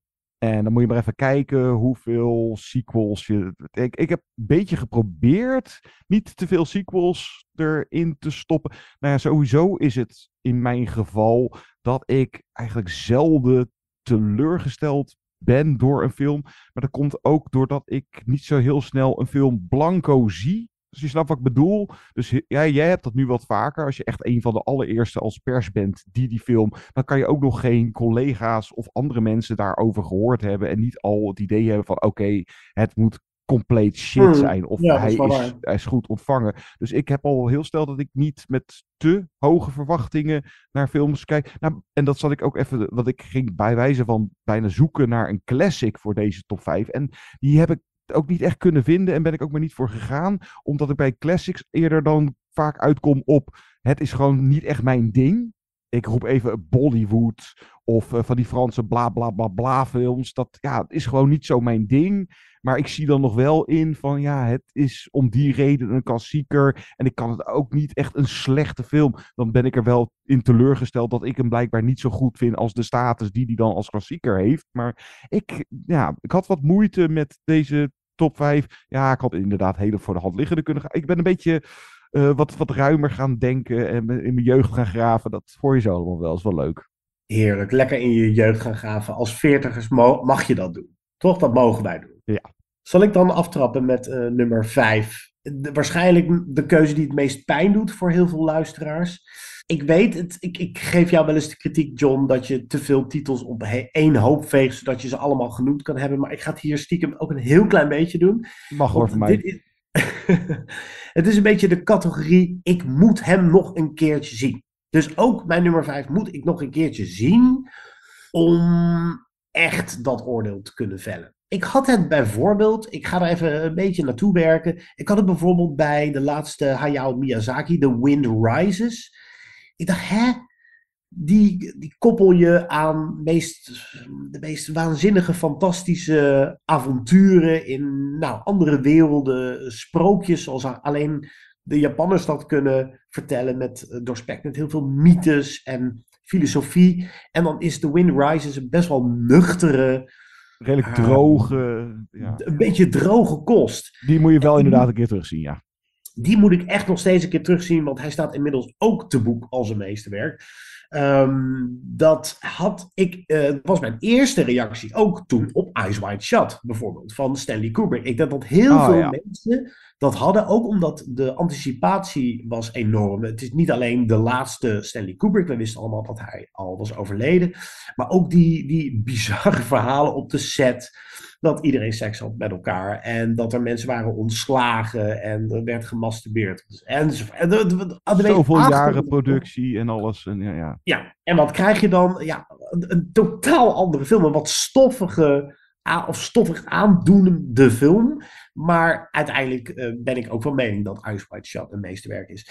Ik weet niet of dat hiermee ook gaat gebeuren, maar ik ga toch even terugkomen op de pijnstoot die wij eh, vorig jaar uitdeelden. Was dat vorig jaar? Of dat jaar daarvoor? Dune. Van Oh. Denis Villeneuve. Eh, of, eh, ja, twee of drie jaar terug. Twee jaar terug of zoiets. Ja, en ik ging hier ook zuiver in. Precies wat jij zegt. Ik eh, zag hem dan op een filmfestival eh, in Venetië. Dus ik was gewoon echt de eerste ter wereld die hem zag. Zo'n beetje. Met uiteraard een hele eh, hoop mensen om me heen. En er waren twee screenings die dag. En Denis Villeneuve, eh, ja, draag ik op handen. Sommige van zijn films zijn ook bij het weerzien beter geworden. Zoals die Blade Runner 2049. Is dat 2049? Zeg ik dat goed? Ja. Die moet, ik trouw- Ja. oh, die moet ik ook weer eens aanzetten. Het, eh, die eh, Ja. zal ook misschien een tweede keer wat beter vallen. Hoewel ik hem de eerste keer wel, eh, wel goed vond, hoor, daar niet van. Ja, die vond ik ook. En Arrivals van hem is goed. En Sicario is ontzettend goed. En ook die eh Azandi, daar is het allemaal mee begonnen. Maar ja, Dune, ik hou niet van die gezwollen taal die ze daar allemaal uitspreken. Elke zin voelt aan alsof het ontzettend belangrijk is. Eh, het zijn allemaal personages die, die praten alsof ze in een ouderwets toneelstuk staan. Eh, de sets zijn echt fantastisch. Maar ik heb toch nog steeds het gevoel dat de menselijke personages daar echt doelloos doorheen lopen. Het zijn allemaal bordkartonnen figuren die in veel te mooie sets zijn beland. Maar ik zeg het dus met enige reservering. Sorry eh, dat ik eh, zo lang eh, bij mijn nummer 5 stilsta. Maar ik, ik wil mezelf dus indekken. Ik ga echt, zeker als straks het volgende deel van Dune uitkomt, ga ik hem echt op mijn gemakje nog een keer van A tot Z helemaal bekijken. En misschien word ik dan wel begeisterd. Maar ik heb het tot nu toe gewoon niet begrepen. En niet begrepen als in dat ik de plot niet begreep. Al is die ook vrij complex en wijd vertakt. Maar het zat hem echt in dat ik het een beetje een zielloze bedoeling vond. Waar ik niet door werd geraakt als kijker. Ja, die June eh, ga ik uiteraard ook een eh, tweede keer zien eh, voordat part 2 uitkomt. Ergens eh, later, einde dit jaar, komt die. Ik was voor mij nummer 5, ja, nou ja, in mijn jeugd zitten graven. Wat was nou, wat ik me kon herinneren, mijn eerste filmische teleurstelling? Want echt tijdens mijn jeugd, of toen ik echt wel een kind was, ja, bijna alles slikte je wel. Bijna alles qua film is leuk. Maar toen had ik de puberteit bereikt. En nou, dan zijn je tienerhormonen ook eh, alle kanten aan het opvliegen. En ja, je, je ziet voor het eerst wat porno. eh, hoewel dat in die tijd niet zo makkelijk eh, ging als nu met een muisklik, zeg maar. Maar, nou, en toen was het met films zo, vooral bekend naakt. Dat was spannend. Actrices die je in andere films eh, had gezien, die dan in een of andere erotische thriller uit de kleren gaan. En... Ik kan me, dat, ik kan me die eh fetish van jou herinneren. Van Ja. Die moet je echt aanzetten, want dan zie je Reese Witherspoon eigenlijk naakt. Of zoiets. Ja, eh. maar Basic Instinct, die was van 92, dus was een beetje die tijd. En toen had je ook een hele hoop van dat soort films. Ik roep even een troep als eh, Body of Evidence met eh, Madonna en nou, dat soort dingen. En, Single white female. ja, ehm, en ik kan me herinneren, er was toen eh, ook een titel, nou, dat was een beetje een kleine hype, nou, of een beetje een, een soort van Fifty Shades of Grey-achtig toen iets. En nou, ik zag het, Indecent Proposal uit Oh, ja. 1993 van Adrian Lin. Die maakte eerder het heel fatsoenlijke Fatal Attraction. En dat gaat dan over door een eh, miljonair gespeeld door eh, Robert Redford. Die een miljoen biedt aan Woody Harrelson om dan met seks met zijn vrouw. eh, één keer seks te hebben met zijn vrouw. Gespeeld door Demi Moore. En nou, dat was natuurlijk een ongelofelijke shitfilm. Maar vooral ook dat ik. Ik vond er natuurlijk geen ene zak aan. En ik heb ook niet mijn zak geleegd. Als je snapt wat ik bedoel. Want zit er überhaupt naakt in die film? Ik kan me niet herinneren in, in ieder Ik geval. kan me er niks van herinneren. Nee, maar ja, je bent precies zo, wat is het, een jaartje of 13 of 14 eh, toen die film uitkwam. En ja, je, je hoopt, eh, nou, een beetje, nou, in ieder geval een eh, geile, sensuele, erotische thriller à la Basic Instinct te zien. En dat is dat Indecent Proposal. Dat is alles behalve eh, om geil van te worden. Het is gewoon echt... Zel- zelfs mijn moeder had zoiets van, nou ja, wat is dit voor, eh, voor, voor, voor bijzettafeltje? Dat echt- lijkt, me, het lijkt me alsof je daarmee zegt. En mijn moeder wordt echt opgewonden van alles. Nee. dat- Ik weet niet of ze nu luistert. Nou ja, dit is, zoals ik me vaag kan herinneren, een van mijn eerste echt filmische teleurstellingen was, nou, ja, dat soort films waar je hoopt een eh, heleboel eh, spannend, eh, vrouwelijk, eh, bekend naakt te gaan zien. en je ziet voor het eerst echt een film waarbij je je schouders ophaalt en denkt van, nou ja, mijn god, waar heb ik nou naar zitten kijken? Mijn nummer vier is geen beroerde film. Het is gewoon een teleurstelling. Soms zijn films echt buikgemaakt, zoals Tenet van Christopher Nolan. Maar hoe langer ik over die film nadenk, hoe minder ik de behoefte heb om die opnieuw aan te zetten. Daar werd hij ehm, zo dol op zijn eigen ingewikkelde script dat hij vergat dat er ook gewoon nog mensen van vlees en bloed in moesten rondlopen waar je iets voor moest voelen. Hetzelfde is een beetje aan de hand met mijn nummer 4 en dat is uit 1992 van David Fincher, Alien 3. Ah ja. Ja, ik zag hem toen in de bioscoop. En ik weet dat ik toen net die andere twee Alien films gezien had. En die eerste staat te boek als een van de beste horrorfilms aller tijden. Die tweede als een van de beste actie science fiction blockbusters aller tijden. Aliens van James Cameron. Dus deel 3 en dan David Fincher. Hij was nog niet ook aan de top van zijn kunnen. Ik weet niet wat hij daarvoor allemaal al gemaakt had. Maar Nou, heeft hij daarvoor een andere film gemaakt? Ja, dat vraag, ik, dat vraag ik me nu ook af. Dat zouden we dan eigenlijk moeten opzoeken. Het is in ieder geval goed gekomen met David Fincher, laten we het zo zeggen. Want hij eh, maakte daarna eh, uitstekende films. Echt hele goede films, zelfs als The Social Network. Eh, ik denk dat dat een van de beste films is. Van, Zodiac. ja, Zodiac is Ja, fantastisch. Seven, noem het maar. Ah, Oh ja, Seven, uiteraard.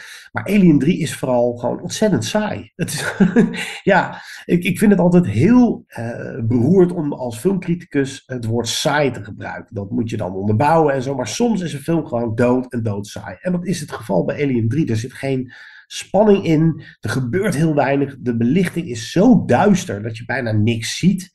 En ik was toen ook teleurgesteld omdat ik nog wat jonger was en wat thrill zocht in de bioscoopzaal. En die kreeg ik echt niet uit die film. Ik weet dat eh, de discussies vooraf vooral waren van nou ja, een, nieuwe talentvolle regisseur. Sigourney Weaver gaat haar haar eraf scheren. Dat was toen een enorm ding. Als je dat tegenwoordig doet, ehm, dan nou, hoor je volgens mij bijna niemand erover. Maar dat was echt een enorme showbiz hype.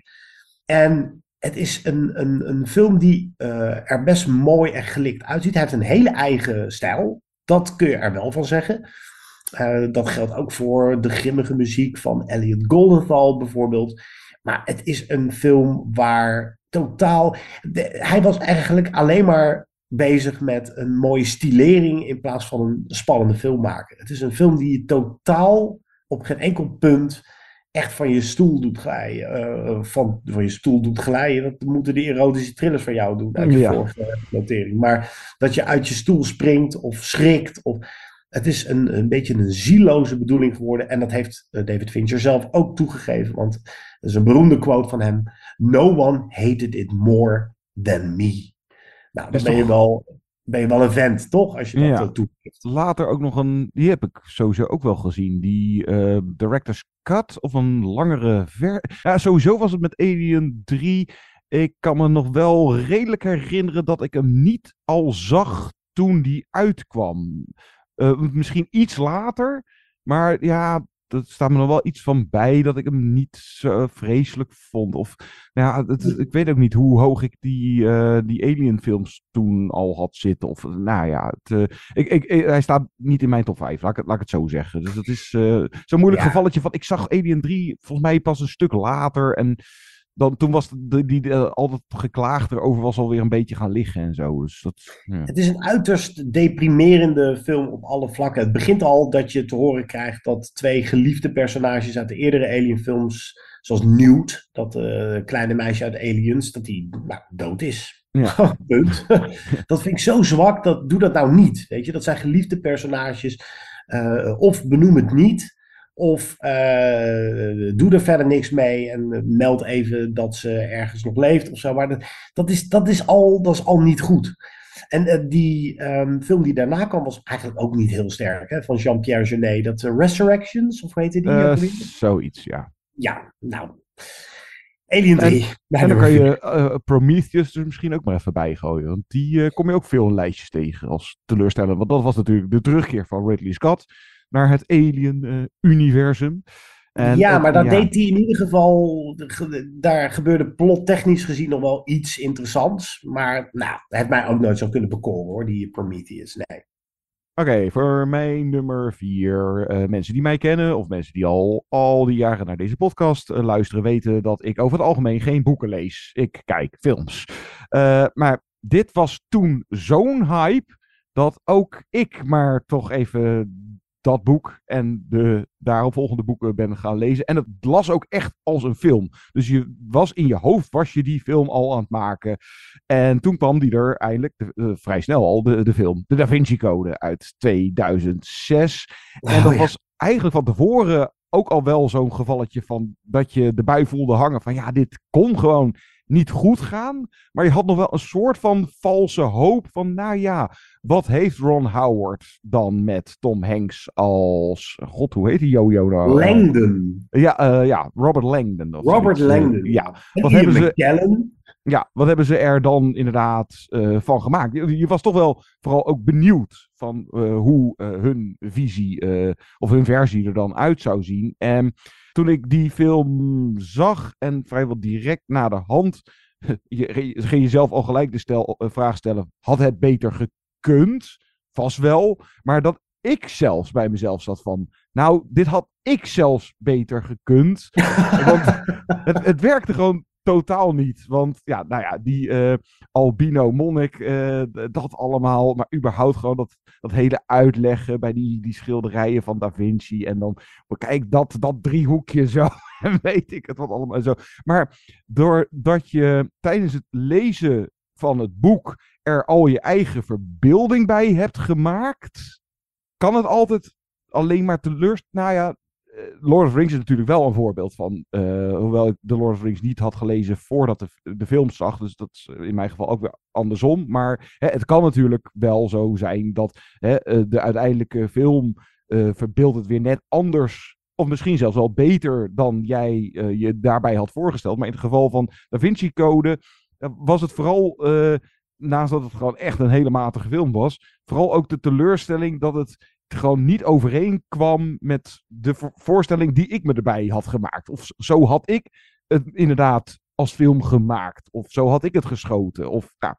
Ja, ik snap wat je bedoelt. Ik, ik heb het toch iets anders beleefd. Want ik was, eh, ik vond het boek al niet fantastisch. Maar ik nee, kan... maar het las lekker weg. En het las echt ook Ja, al het als las wel film, lekker daarom. weg. Ja. Ja, maar het, het probleem zit hem voor mij eh, vooral in dat ik eh, dat de film liet zien dat het niet zo eh, dat het boek zich eigenlijk niet zo leent voor een verfilming.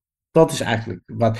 Want precies wat jij, wat jij zegt. Kijk, in, in het boek kun je al die, die uitstapjes maken. Dan kun je Langdon uitgebreid laten vertellen over wat de symboliek is in dat en dat schilderij.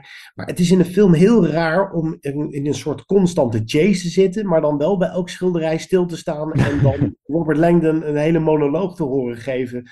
Dat is zo raar. Dat, dat, eh, het leent zich helemaal niet voor film. Nee, vind. nee dat, dat, is eigenlijk mijn conclusie vooral na, eh, na het zien. Dus hoe je dat beter had, ja, dat had je misschien best wel beter kunnen doen. Maar ik vraag me af of het beter had gekund. Het is ook zo'n gevalletje, een film die zo slaafs het boek volgt, omdat dat boek was zo populair. Jeetje, Mina, ik kan me herinneren dat je was echt een. eh, Ja, je leven de onder een steen als je het niet had gelezen. Ja. Niet had gelezen, ja, Ja. precies.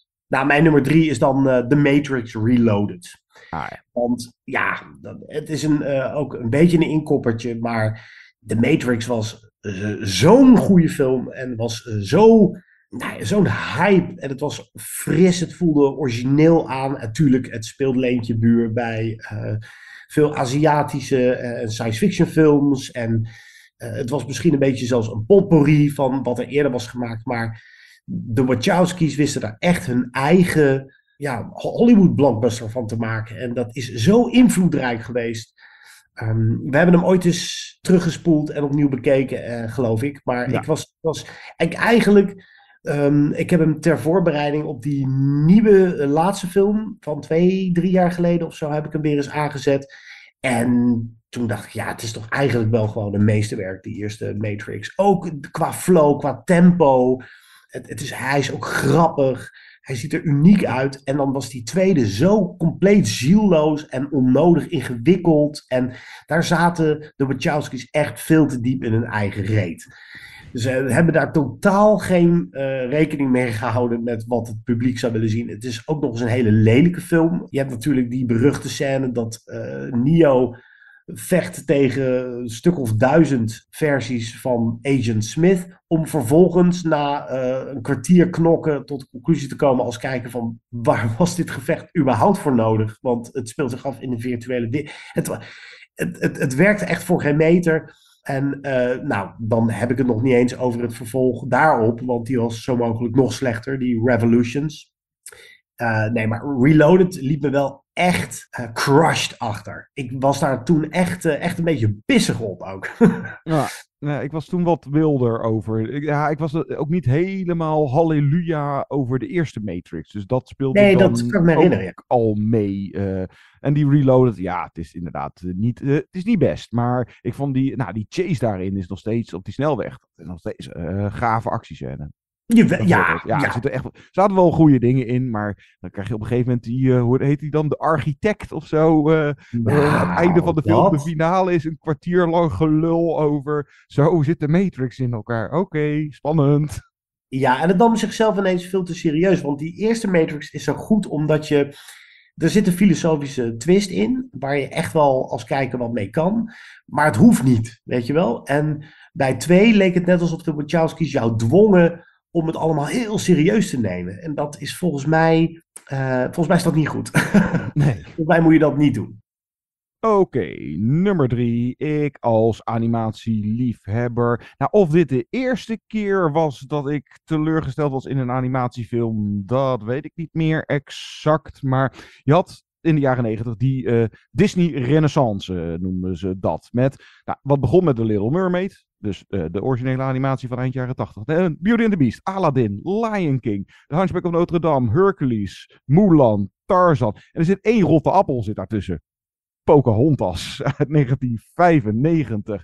Ook vooral vanwege die lelijke, hoekige animatiestijl. Het zag er gewoon niet uit. En het was dan ook nog eens een veel te serieuze, eh, zeker voor, ook voor een animatiefilm, veel te serieus onderwerp. En het kwam er gewoon niet goed uit. Er zit geen of hele flauwe humor zit erin. Die stem van Mel Gibson. Hè, we hebben het vaak wel eens over van eh, stemacteurs. Ja, je kan ook niet zo heel erg snel de fout ingaan, voor mijn gevoel. Of kan zo een top, eh, weet ik veel, maken van gave stemmen in animatiefilms. Maar die van Mel Gibson op de een of andere manier, eh, die was gewoon op Braveheart aan het spelen. Eh, maar dan alleen, alleen zijn stem. Maar die film, in, in dat hele rijtje, was dat echt de enige die gewoon totaal die Disney-magie miste. Even erbij vermelden, de muziek van Alan Menken is magistraal. Dat is echt een van de nou, beste soundtracks eh, van hem, of misschien zelfs aller tijden. Maar ik kan me dus ook nog wel voor de geest halen dat ik toen als, nou, wat was ik, tiener, een jaartje 15, 16 of zo, en dat ik deze zag, en dat ik toen op dat moment gewoon even klaar was met Disney. Ik was even Disney ontgroeid. En dat heeft maar heel kort geduurd, want het jaar daarop volgde de Hunchback of Notre Dame. En daar was ik wel weer enorm door gecharmeerd, omdat die ook wel dat serieuze heeft van Pocahontas, maar dan nog wat, nog wat zwaarder, nog wat meer opera, nog wat epischer. Nou ja, dat is een eh, persoonlijke favoriet van mij. Dus eh, het zal een jaar, bij wijze van een jaar later alweer goed tussen mij en eh, Disney. Maar Pocahontas, ja, dat was echt even op dat moment dat ik dacht van, echt, ik ben even helemaal klaar met dat Disney en die geuren van je wind. En, ja, het, ja, Ja, ik, ken, prachtig. ik ken echt wel genoeg mensen die Pocahontas hoog hebben zitten. Ja, hij is ook niet, hij is niet vreselijk hoor. Ik overdrijf natuurlijk een beetje, maar Ja, ik, ik vond hem ook toen ja, te zweverig, te nieuw-agerig, te kitscherig. Ik was ook niet zo'n fan. Ik mag het woord dus niet in de mond nemen, dat heb ik net gezegd. Maar ik vond hem toen ook saai, kan ik me herinneren. Eh, ik, ik vond ook die bijfiguurtjes allemaal met de Ja. haren bijgesleept en niet grappig. Eh, Nee, hij is- maar nee. Nogmaals, ik ken mensen die Pocahontas wel heel erg mooi vinden. En voor wie het heel veel betekent. Maar dat maakt zo'n top 5 leuk en persoonlijk. Ik ben met je eens. Ik ben ook niet zo fan.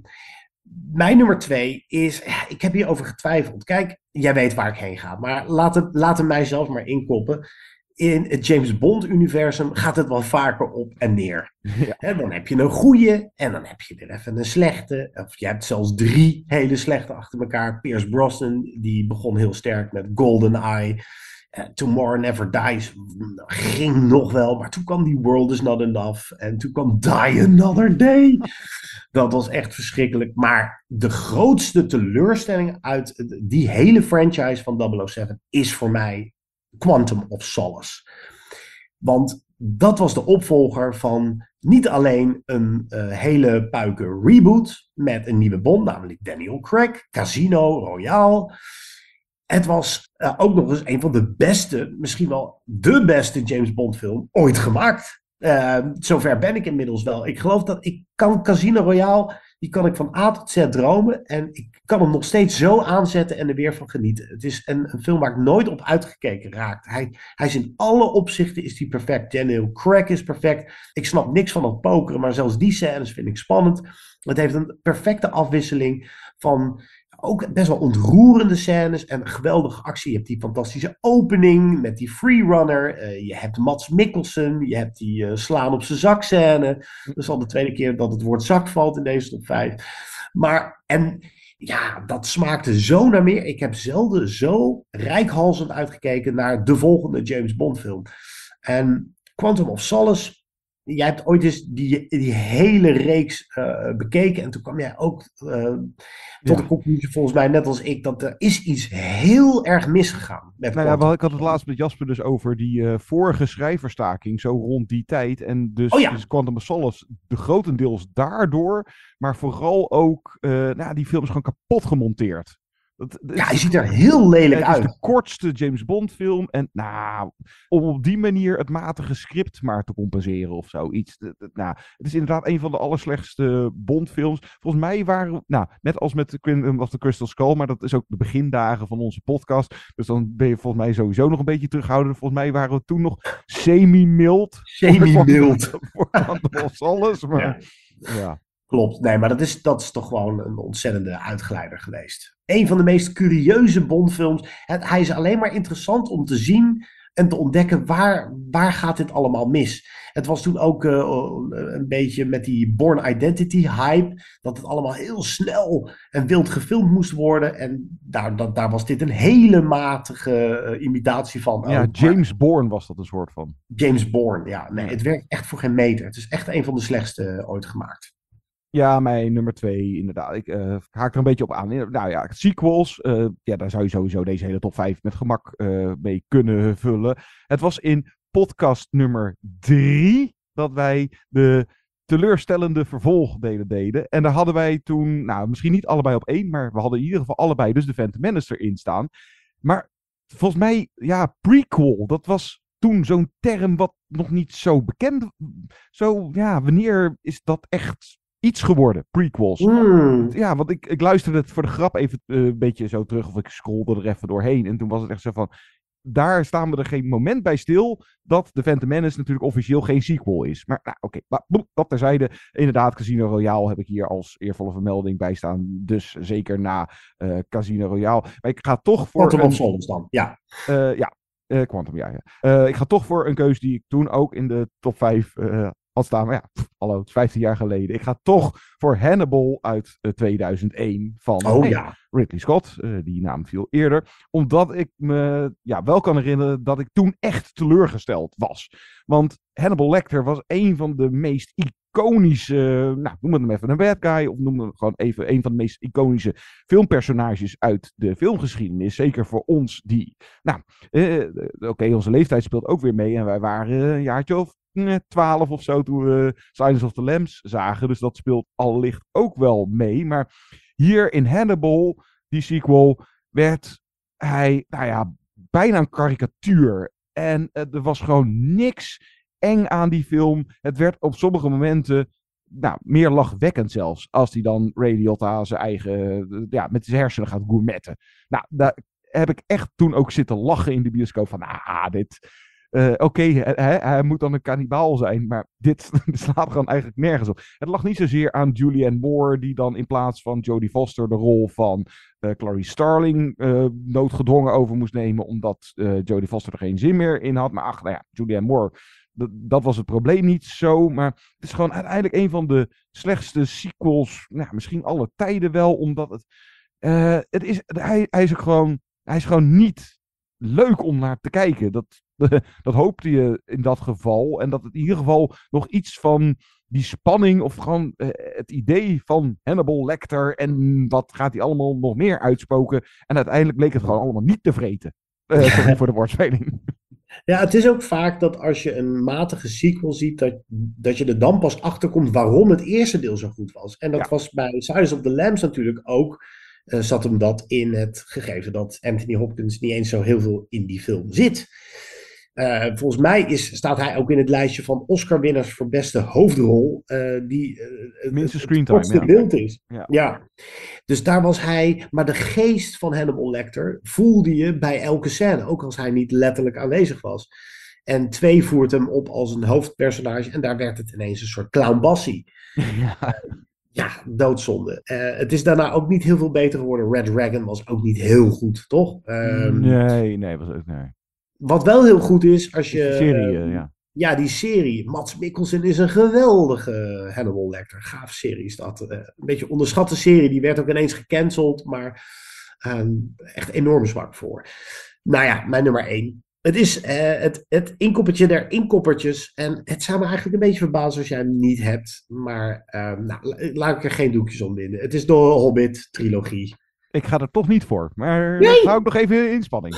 Oh, nee, de Hobbit-trilogie is voor mij echt. Ik, ik vind het zelfs zo pijnlijk dat ik echt serieus heb getwijfeld aan de kwaliteit van de Lord of the Rings-trilogie van Peter Jackson. Zo matig vond ik hem dat ik echt dacht, maar dat waren drie meesterwerken. Dat, was, dat, dat staat te boek al. Ik moest ze echt opnieuw zien om erachter te komen dat dat wel degelijk echt briljante films waren die ja, mijn, mijn filmpassie eh, vlam deden aanwa- opnieuw deden aanwakkeren toen. Het is op heel veel vlakken misgegaan. We hebben er ook heel veel over gehad in Movie Insiders. Ik denk niet dat ik daar al te lang bij stil moet staan. Maar een groot, twee eh, grote boosdoeners zijn A, dat je dat hele kleine kinderboekje uitrekt tot een, een, een filmtrilogie. Zelfs één film was eigenlijk al te lang om dat boekje te coveren.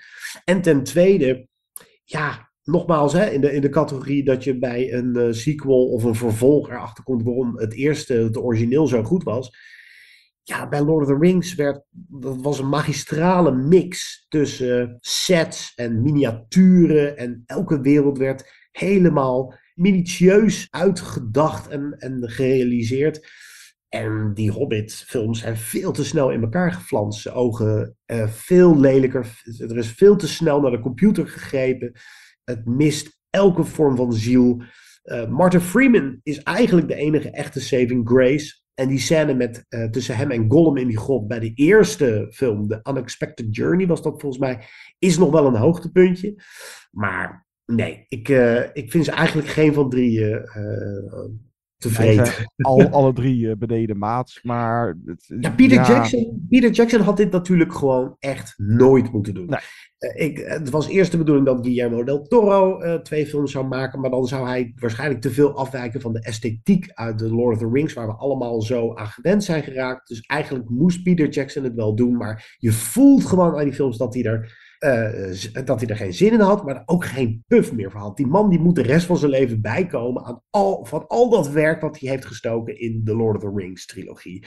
En daarna had hij ook nog even die King Kong eruit gepoept. Ja, die trouwens best heel gaaf vind. Ja, daar, heb ik, daar heb ik nog wel trouwens een zwak voor. Oh, Nee, trouwens nog een, eh, als we het over Peter Jackson hebben, nog zo'n titel, eh, volgens mij hebben we zelfs ook in de begindagen van de podcast besproken, die had ook nog gekund, The Lovely Bones. Dat was ook een... The Lovely Bones. Ja, ook niet goed. Ook Nee. niet goed. Nee, toen eh, was de vermoeidheid bij Peter Jackson al eh, ingezet. En eh, ja, ik ga voor één, nog, inderdaad wel voor nog een Recipri, een, nog een sequel. Dus inderdaad niet die van PG.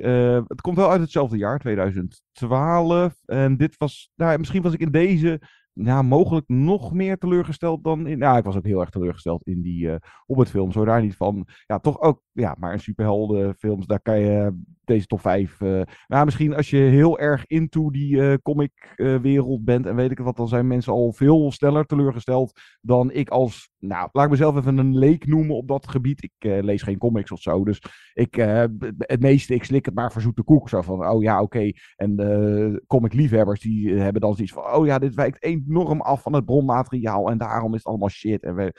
Oké, dan komt hij. The Dark Knight Rises. Oh. Waar ik toen al echt niet over te spreken was. Zeker na The Dark Knight. eh, wat eh, voor heel veel mensen. Nou, of het eh, een van de ultieme meesterwerken aller tijden. of superheldenmeesterwerken is. eh, ben ik nog steeds niet helemaal over uit. Maar ik heb die Dark Knight Rises nog eens aangezet. Een tijdje terug. Ook om. Ja, ik weet niet meer. wat. Er was een aanleiding. Doet er niet toe. Maar. Kan de was- aanleiding, sorry dat ik inbreng, maar kan de aanleiding zijn geweest dat ik die film ooit eens in een andere top 5 heb aangehaald als die is eigenlijk veel beter dan ik hem toen gaf? Ja, dat. dat eh, Want dat- ik vond hem dus beter bij het herzien. Het, sterker nog, ik, ik wil niet zeggen dat hij beter is dan The Dark Knight, maar ik ben echt. Ik, ik heb vrede gesloten met The Dark Knight Rises. En die heeft toch wel degelijk. Nou ja, goed, dit, dit is jouw keuze. Maar Ja. ik, ik, ik verdedig hem toch wel eh, stevig. Oh nee, dit was zeker nu bij het, of toen bij het herkijken nog meer teleurstellend dan. Want ik weet Ja. niet of ik hem überhaupt voor de tweede keer. Nou, maar dat je echt zoiets hebt van: wat een hoop shit is dit. Ik vond het echt, echt erg. En dan kan ik nu een hele lange tirade gaan houden over alles wat ik er eh, qua probleem mee heb. Maar eh, even iets aanstippen is. eh, nou ja, het is zo'n dat als je even 10 seconden je hersenen aanzet, dan zit je echt zo van: hé, hey, maar wacht even dit slaat gewoon helemaal nergens op. Er zitten gewoon zoveel dingen in die zo stupide zijn. Als je er even over gaat zitten nadenken, motivaties, bepaalde beslissingen, ongeloofwaardigheden. Echt, nou, dit plot heeft meer gaten dan een Zwitserse kaas hoor. En dan eh, heel vaak dat eh, personages ellenlange monologen gaan zitten houden. Ik had ook bedacht, je kan dit ook monologen de movie noemen. Er zit gewoon geen humor in. En het is zo serieus. En je moest het ook zo serieus eh, nemen. Maar dat het uiteindelijk als ja, een kaartenhuis in elkaar stort. Omdat het niet werkt. Want eigenlijk moet je dit niet serieus nemen. Want er zitten zulke debiele eh, dingen in. Maar het wordt nog wel gebracht la The Dark Knight. Van eh, diepere thematiek. En nou ja, oké, je kan er wel het een en ander uithalen. Maar Christopher Nolan, of de Nolans, eh, die zelf het script schreven, ook voor deze. Maar Christopher Nolan stond altijd, eh, of staat nog steeds altijd te boek over de- van die breinbrekers. De meeste, Inception, Interstellar, Tenet, nou noem het allemaal maar. En hier bij deze lijkt dat wel de bedoeling. maar hier is het eigenlijk zo dat je je verstand op nul moet zetten. Hè, om eh, er nog een beetje van te kunnen genieten. Maar dat gaat niet, omdat er ook gewoon geen hol aan is. Ik vond hem ook echt saai en te lang. En zelfs matig geacteerd. Oh my god, wat, wat, wat, wat een shit zeg. Dat, nou, om heel hard te zijn, dat ik bewijzen van voor mijn plezier. Zou ik nog eerder Batman en Robin een keer terugkijken dan deze. Want ja, er zitten echt dingen in dat. Nou, ik, ik kan hier nu zo'n gehakt van The Dark Knight Rises maken. Of althans, waarom ik eh, er echt helemaal niks mee heb. Maar ja, dat ik tot twee keer toe zo teleurgesteld ben in The Dark Knight Rises. Vooral ook doordat je, ja, je blijft het toch altijd naast The Dark Knight leggen. Die Batman Begins was ik nooit zo'n enorme fan van. Maar deze, nee, ja, ik, eh, ik maak er geen woorden meer aan vuil. Het enige wat ik er eh, nog over wil zeggen is dat ik toen bij de eerste keer kijken dacht ik, ai, Christopher Nolan maakte met The Dark Knight iets dat ook in de echte wereld plaats zou kunnen eh, vinden. Hè? Het, zou kunnen, het zou zomaar realistisch kunnen zijn, een echte wereld. Dus hij trekt het heel veel naar, naar, naar het, naar het niet-Tim Burton-universum. En Dark Knight Rises eh, maakt ineens duidelijk dat je dat niet kan volhouden. Als je met zo'n karakter doorgaat als Batman. Het is, daar was ineens veel meer het, het, een, een ouderwetse superheldenfilm met inderdaad logica eh, ver te zoeken. En, maar als je dat accepteert, zitten er toch wel heel veel kwaliteiten wat mij betreft in The Dark Knight Rises. Maar die discussie moeten we misschien... Misschien is dat een leuke film om, Om ook over te 15 rewinden. jaar... Ja. Over 15. Wij eh, moeten een beetje gaan afronden. Ik vind het wel leuk om een paar eervolle vermeldingen te geven. Ja, een hele voor de hand liggende. The Godfather Part 3. Ja. Maar, die, ja, maar ik was. Er speelt leeftijd weer mee. Ik was te jong eh, toen ik hem Ja, zag. Ik Een jaartje of twaalf misschien of zo. Ik had net die eerste Godfather films gezien. En ja, je bent nog niet zo'n kritische filmkijker. Dus The Godfather 3, eh, het is nog steeds geen slechte film. Zoveel, zoveel, maar de mindere kwaliteiten van The Godfather 3 zag ik op dat moment nog niet.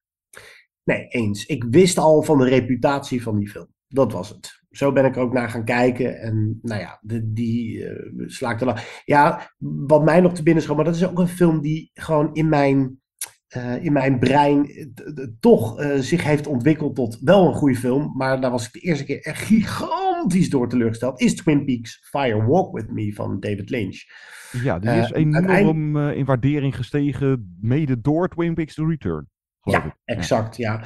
En wat ik nog wel aardig vind om te noemen is, het is echt een vreselijk slechte film, maar dat World Trade Center ik, van Oliver Stone, ik kan me herinneren dat ik daar echt naar uitkeek. Ik dacht, hè, dit zou het moment kunnen zijn dat Oliver Stone met zijn kritische, met zijn aanpak een, een, een geweldige film kan maken over 9-11. En het bleek zo'n zeepert van een film te zijn.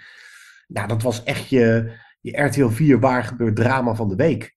Dat vond ik echt vreselijk. En Alexander wil ik dan ook maar even gelijk genoemd hebben. Die was ook van Oliver Stone en staat ook te boek als een van de grootste teleurstellingen aller tijden. Gigantisch epos over Alexander de Grote met Colin Farrell. Daar is ook van alles mis mee. Ja, dat is van alles mis mee. En dan nog zo'n eh, superhelden, Spider-Man 3, eh, toen met Tobey Maguire, toen ik die zag, eh, vond ik hem ook niet best hoor. Maar wat ik zeg, ik ben helemaal niet thuis in dat kanon. Dus eh, weet ik, ja, Venom, oké, dat, eh, geen idee. Dat, ik had het wel ja. gehoord of zo. En deze vond ik nog wel grappig om even te... Nou, ik, ik, ik voelde er toen de, van tevoren de bui al wel hangen, omdat het gemaakt werd door Michael Bay. Maar het jeugdsentiment voor mij, Transformers, dat was speelgoed waar ik vroeger mee speelde. Dus ik was toch wel heel erg benieuwd hoe dan een filmversie uit zou pakken. Dus ik, eh, nee, ik had niet hele hoge verwachtingen van die Transformers films, maar het was, eh, nee, het was niet, eh, laten we daar niet eh, te veel over zeggen. En een goede naam qua regisseur, die mij echt wel keer op keer op keer wat teleurstelde, was Tim Burton. Na Ja. alles na Sweeney Todd. Als zeggen ze van, ja, kom je nu weer met een fatsoen... Nee. Deze dan? Nee. Ja. En tussendoor heeft hij ook een paar van die eh, matige gedaan. De plan die Planet of the Apes van eh, Tim Burton. Dat was ook zo eentje. Het, eh, Ja, dat was ook niet best. En zullen we dan de cirkel rondmaken en eindigen met Spielberg en zeggen dat hij wel meer uitglijders heeft gemaakt dan alleen Kingdom of the Crystal Skull? Ready Player One. Ik Ah, vind ja, het ja. nog steeds, het doet nog steeds pijn om te weten dat hij op de regiestoel zat. Voor die, nou, dan gaan we weer zielloze vertoning. En, en eh, dat hij daar, hij was echt niet de regisseur voor die film. En eh, dan kun je ook nog The Lost World Jurassic Park deel 2 noemen. Dat was ook gewoon, dat was ook niet goed. Nee, maar dat, die kon ik toen destijds nog wel hebben. Ja, nou, Ja. er zitten nog wel aardige scènes in. Spielberg is niet heilig. Eh, dat is duidelijk. Dat is de, dat is de conclusie naar, de, naar deze hele podcast. Wij zijn ook niet heilig, want wij willen nog wel eens een stilte laten vallen, maar we keren altijd weer terug. Daar begonnen we mee, daar eindigen we ook mee door te zeggen, we zijn snel weer terug. Maar met wat, John? Er komt wel van alles uit in de bioscoop, maar Ja, vast wel. we hebben, het niet eens over, we hebben het in deze show niet eens gehad over The Little Mermaid. Heb je hem nog gezien? Nee. Kom Ga je nog wel een keertje doen? waarschijnlijk. Oh, Oké. Eh, Wat gaan we wel doen in de volgende show? eh, ben even op vakantie. Oh Dus, ja. eh, ja het, eh, misschien moeten jij en eh, Jasper nog even een podcast. Maar ja, wat dan? ik dus ook even niet zo de filmagenda voor mijn neus liggen. Wat komt er nog uit? Het is nog steeds een klein beetje komkommertijd. van die grote titels als Barbie en Oppenheimer, de nieuwe Nolan. Dat wordt allemaal pas volgende maand. De nieuwe Indiana Jones Dial of Destiny komt eind deze maand. Dus dat is een podcast daarop. Maar nou, Nou ja, wat ik misschien met Jasper ga tackelen, ik ga er in ieder geval heen eh, eind deze week, is The Flash. Want dat is wel, dat zou wel eens de comeback van DC Comics kunnen zijn. Zeg Ah, ik. Oh, die nieuwe Wes Anderson komt nog uit. Asteroid City. Ja, heb ik ook inmiddels gezien. En daar valt ook wel het een en ander over te zeggen. Dus blijf luisteren naar Movie Insiders. Laat van je horen door bijvoorbeeld op Twitter ons op te zoeken. At Movie Insider. Op Instagram. We zitten op Facebook. Of je kan ons een e-mailtje sturen naar movieinsiderspodcast.gmail.com. John, waar gaan we ermee uit? Ja, we zijn zo tekeer, de- ja, terecht tekeer gegaan. eh, nou ja, hij kwam niet echt eh, dan voorbij. Eh, de hele top 5 was de Phantom Menace top 5. De grootste teleurstelling voor velen van ons eh, uit de filmgeschiedenis. We hebben dit volgens mij ook al drie keer eerder gedaan, maar we doen het gewoon nog een keer. Want er zijn echt wel aspecten aan de Phantom Menace die fantastisch zijn. Waaronder de muziek van maestro John Williams. We doen gewoon lekker nog een keertje als, als excuus van ons. Duel of the Fates uit de Phantom Menace. Uitstekend plan. John, ik heb geen biertje bij de hand. Die ga ik ook niet meer drinken, want het is inmiddels vrij laat. Deze jongen die moet zo naar bed. Maar toch, uh, met een, een, denkbeeldig eh, bierglas in mijn handen of blikje of flesje, zeg ik tegen jou. Cheers op uh, nog eens 15 jaar Movie Insiders. Cheers. Tot de volgende keer. Tot snel.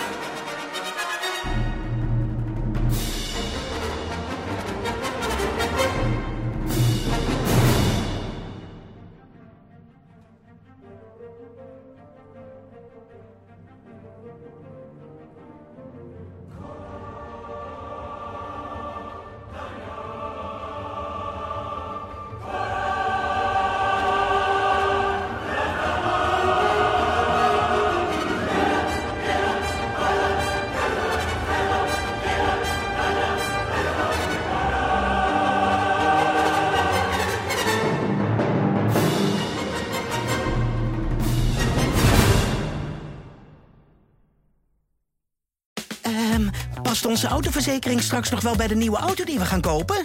Of kunnen we met overstappen flink besparen?